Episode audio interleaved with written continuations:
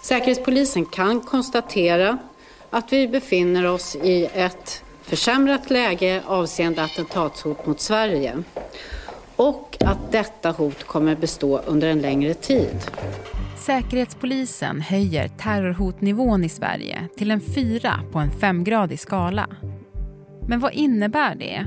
Och hur ska man tänka nu?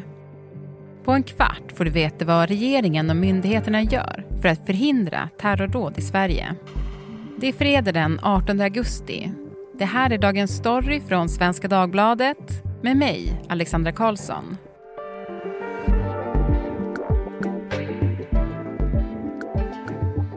Gäster idag är Jesper Sundén, Mellanösternanalytiker, Hanna Törnqvist, nyhetsreporter och Erik Hedtjärn, politikchef på SvD. Står du bra Jesper? Jag står bra. Ja, vad bra.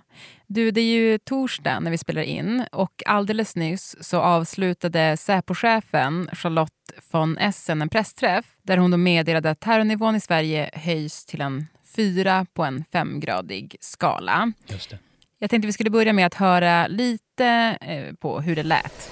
Säkerhetspolisens främsta uppgift är att hela tiden ligga steget före och syftet med beslutet att höja hotnivån till en fyra, ett högt hot, är just att samhället ska anpassa sin verksamhet för att minska risken för att något ska inträffa.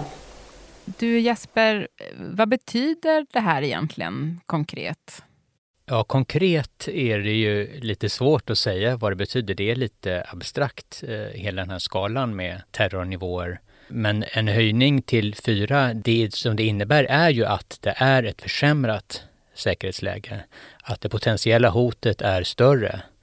För några år sedan när det sist höjdes till, till fyran, då, på den tiden, det var ju 2015, strax efter terrordåden i Paris mot Bataclan och, och då pratade man om att ja, men, fyra, då krävdes det en, en konkret hotbild, kanske ett förestående attentat, planer på ett förestående attentat och så vidare. Men nu säger man ju inte det, utan nu handlar det ju mer om en allmän bild. Mm, ett allmänt försämrat säkerhetsläge och att Sverige då har gått från att vara ett legitimt mål till ett prioriterat mål, sa de ju också. Just mycket. det. Mm, mm. För att som du var inne på där så, så betonade också Säpochefen under den här pressträffen att det inte var något enskilt hot som låg bakom höjningen. Nej, just det. Beslutet att höja terrorhotnivån är alltså som jag sa tidigare inte kopplat till någon enskild händelse utan ska ses just som en strategisk och långsiktig bedömning. Mm.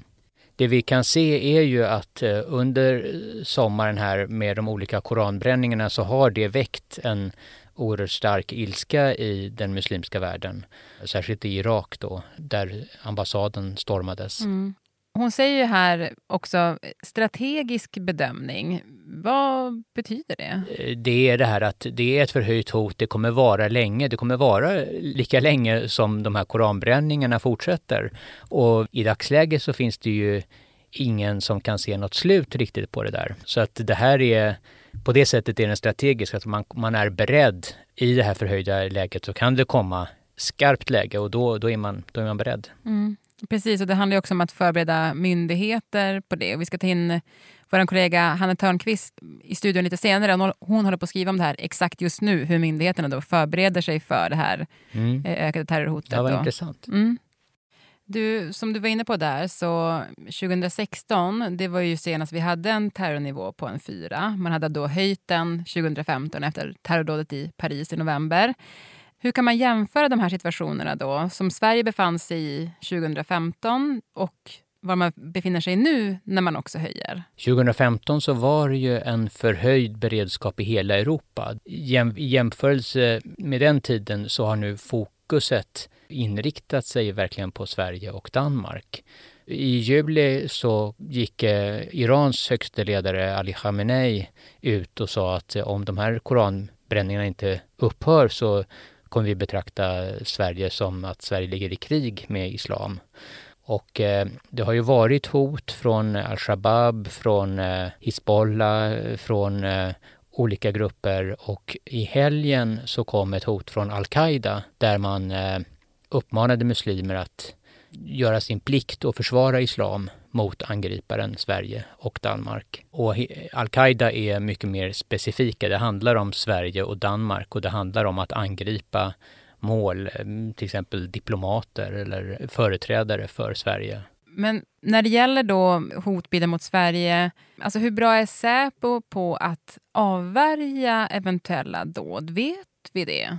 Ja, vi vet ju att eh, de till exempel i mars-april grep eh, fem personer som hade planerat att begå terrordåd i Sverige. Och eh, de har ju avvärjt andra planerade dåd tidigare år. Men jag tror att det här, de gripna i, i våras, att det var det som den här brittiska resevarningen syftade på när de skrev att, att Säpo, svenska säkerhetspolisen har förhindrat dåd tidigare under året. Mm. Ja, precis, de var ju väldigt specifika på det och det fick ju Säpo frågor om på presskonferensen idag också. Mm, för man mm. undrade vad vet Storbritannien som vi inte vet? Mm, mm. men det här, det här är ju någonting som vi vet om. Våra, vi har rapporterat om det på Svenska Dagbladet men, men däremot så är det inget som så många har lagt på minnet eh, tror jag. Mm. Nej, men det är väl så, så länge ingenting händer. Nej, nej. Men du, tack så jättemycket Jesper. Du ska få jobba vidare och så ska vi få in Hanna här i studion alldeles strax. Slutligen, mitt budskap här idag, det är att höjningen av terrorhotnivån sker för att medvetandegöra att det hot vi ser kommer att bestå under en längre tid och att samhället måste skapa uthållighet för att möta det. Ja, det där sa alltså Säpo-chefen Charlotte von Essen under pressträffen tidigare. Och Hanna Törnqvist, nyhetsreporter här, du håller just nu på att skriva om exakt det här, nämligen vad, vad myndigheterna gör nu, eller hur? Ja men precis, det stämmer. Och det vi vill lyfta i vår text är kanske att det kommer inte förändras på en natt nu för alla myndigheter, att de plötsligt eh, sätter på on-knappen och sätter igång det här arbetet. Utan många vittnar om att de har arbetat med säkerhet och beredskapsfrågor länge och står rustade för det här. Ja, men vad säger de då? Alltså vad gör de?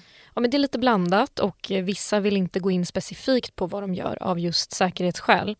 Men till exempel Trafikverket som jag pratade med i morse redan innan höjningen. De berättade att eh, de behöver inte vänta på den här formella höjningen utan de har jobbat på ändå och vill vara redo. Och de har till exempel då stärkt upp sin omvärldsbevakning. De har fler möten med sina samarbetspartners eh, i branschen. Ja, men till exempel olika operatörer som kör åt dem och liknande. Ja, men, och jag tror att det många kanske ändå undrar är ju om det kommer bli extra säkerhet på till exempel tåg eller i kollektivtrafiken eller sådär. Fick du något svar kring det? Nej, jag fick ju inte det. Jag ställde de frågorna. Liksom, kommer man som resenär till exempel märka av någonting nu? Att de ropar i högtalarna att man ska vara vaksam och sådär. Men det kunde de inte berätta än och det är väl just att eh, myndigheter kommer testa sig fram nu.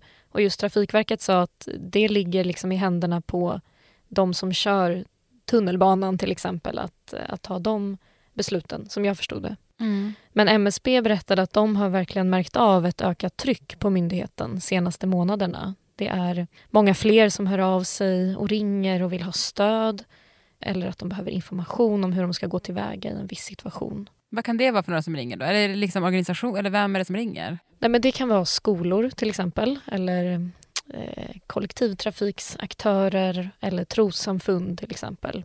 Mm. Det var ju den här uppmaningen som var också under pressträffen att, att man ska fortsätta leva på som vanligt men att vara extra vaksam. Vad betyder det om man pratar med myndigheter till exempel? Ja, nej, men MSB säger att den viktigaste delen av deras arbete det är att gå ut med information om hur man ska agera vid sådana här eh, händelser. Och då nämner de en, eh, ett råd helt enkelt som består av tre saker. Och det är fly, sök skydd och larma. Och det här anser de är det viktigaste, att det här kommer ut till allmänheten. Och det handlar helt enkelt om att om man är liksom i en situation som inte är säker så ska man lämna den platsen så snabbt som möjligt. Och när man har lämnat platsen och sökt skydd, då kan man larma polisen. Det trycker de väldigt mycket på. Mm. Du, tack så jättemycket Hanna för att du tog dig tid att komma hit. Du ska få fortsätta med artikeln. Tack så mycket. Jag förstår att många svenskar just nu känner oro över innebörden av den nya och högre hotnivån. Och till alla dem, till alla er, så vill jag precis som polisen säga att vi ska leva våra liv som vanligt. Erik Hedtjärn, politikchef. Eh, nu har du också kommit in här i studion. Eh, alldeles nyss så höll ju statsminister Ulf Kristersson en pressträff med anledning då av Säpos höjning. Det sades inte så mycket nytt på den, eller? Inte så mycket nytt. Man upprepade ju samma saker som Säkerhetspolisen hade pratat om tidigare och sen så påminde man om olika åtgärder som man har vidtagit under året. Alltså man har skärpt eh, möjligheten till gränskontroll och så. Och sen så eh, liksom manar till lugn och säger att man ska tänka sig för och lyssna på myndigheter och eh, leva som vanligt. Mm. Du sa att de listade lite grann saker som de hade gjort tidigare i år. Men, men vad gör de just nu i den här väldigt kritiska situationen? Ja, men dels så poängterar de ju och säger så här, det här är ett myndighetsbeslut som är självständigt. På det sättet är det liksom frikopplat från vad regeringen gör. Men en sak som man vet pågår i regeringskansliet, det är ju ett beredningsarbete med där man förbereder sig för att eventuellt då utreda om man ska ändra ordningslagen så att man ska kunna hindra sammankomster som ska kunna liksom hota rikets säkerhet. Läs koranbränning då. Mm. Och där finns ju då enligt våra källor en förhoppning om att bara att man liksom tillsätter ett sånt där direktiv, det skulle kunna ha en så här avkylande effekt på den kritiska Sverigebilden som ju finns liksom som en del i den här hotbilden mot Sverige. Mm. Att Sverige har gått från att vara ett legitimt mål till att vara ett prioriterat mål. Mm. När det gäller då frågan om ordningslagen, kommer regeringen kunna få igenom det? Eller liksom... Mm, det vet man inte kan man säga, för att dels så finns inte det där förslaget än och, och det finns ju inte ens en utredning. Men de signaler man har fått nu är ju inte gör vad ni vill, vi kommer ställa upp. Socialdemokraterna som är de som man tänker sig kanske skulle ha lättast att acceptera det de har, har, inte eh, sagt att de är för det. Sverigedemokraterna de verkar ju vara direkt mot det. Och sen så de andra placerar sig i någon sorts fallande ordning däremellan. Men det är liksom inte självklart att de ens skulle få det genom riksdagen. Att det finns inte nu en majoritet för det. Så mm. kan man ju säga. Mm. Men förutom det här då att, att se över ordningslagen då som, som de ju verkar göra. Hur mycket kan regeringen göra i det här läget? Det verkar vara väldigt svårt att ens kontrollera situationen i Sverige. Om man pratar om Sverigebilden så finns det ju massa saker som liksom eh, påverkar den menligt hela tiden. Det är liksom nya koranbränningar varje vecka och den här förhoppningen om att det ska liksom pysa ut och gå över, den verkar inte eh, infrias. Och snarare så blir det liksom värre. Vi har inte sett några reaktioner på den liberala riksdagsledamoten Carl B Hamiltons uttalande om, där han talade om, om judar och muslimer eller att det, det skulle vara värre om Jomshof sa samma sak om, om judar som han sa om muslimer. Den typen av uttalande gör ju också att den här kritiken som kan användas av stater mot Sverige eller önskan att attackera Sverige, den, den bara liksom växer. Så där kan man säga att regeringen har ett problem. Att man har en situation som man inte riktigt kan inte ens här eh, kontrollera eller stoppa. De skulle väl kunna gå ut och kritisera det. De kan väl gå ut och kritisera Richard Jomshof och de kan väl gå ut och kritisera andra uttalanden som görs som, om de anser att de förvärrar situationen.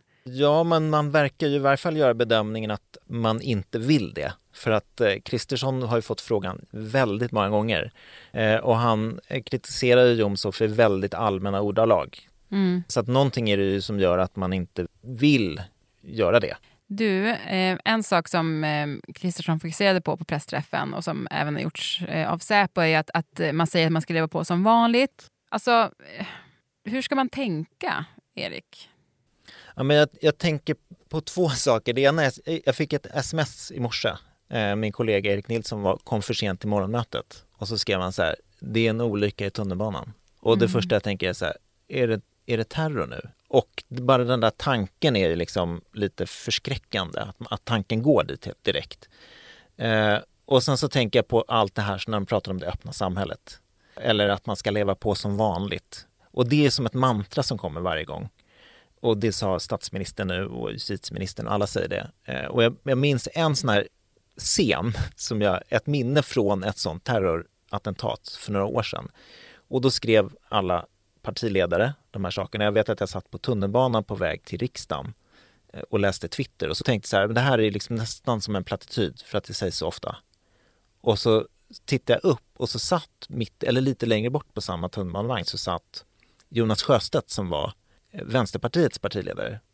Och han var en av de som hade skrivit på Twitter så här, det fria öppna samhället, lev som vanligt. Och så satt han och var på väg och levde som vanligt som man kan göra i vårt samhälle. Man kan liksom vara partiledare och ta tunnelbanan till jobbet. Och det blev väldigt, ja, det, det blev på något sätt på, på, riktigt och inte bara de där orden. Mm. För det är ju på riktigt, alltså det öppna samhället och att vi kan prata här och säga vad vi och mm. diskutera sådana här mm. saker. Och kan åka hem och, och vi är inte rädda. Det mm. finns nästan inget politiskt våld i, i Sverige överhuvudtaget. Det är mm. väldigt, väldigt ovanligt. Mm. Och det ska man ju vara glad för. Verkligen. Tack så jättemycket Erik. Tack.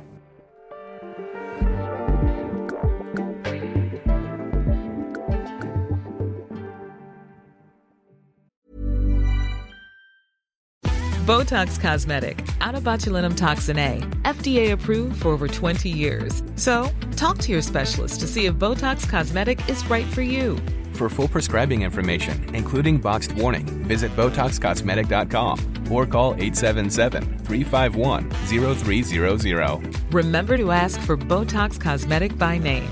To see for yourself and learn more, visit BotoxCosmetic.com. That's BotoxCosmetic.com. Moa Larsson producerade dagens program, Stina Fischer var redaktör och jag heter Alexandra Karlsson. Klippen i programmet kom från SVT och om du vill kontakta oss så mejla till dagensstory.svd.se.